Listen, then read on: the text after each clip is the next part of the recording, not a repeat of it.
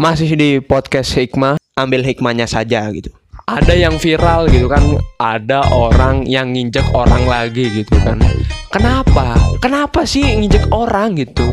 Terus orang ini dipiting gitu kan? Tidak manusiawi sekali gitu. Mentang-mentang gitu kan pakai seragam, terus juga derajatnya lebih tinggi, bisa seenaknya dengan orang yang biasa-biasa aja kan kampret ini buat orang-orang yang begini langsung aja ini keluarin gitu kan. Nggak usah dipakai lagi udah.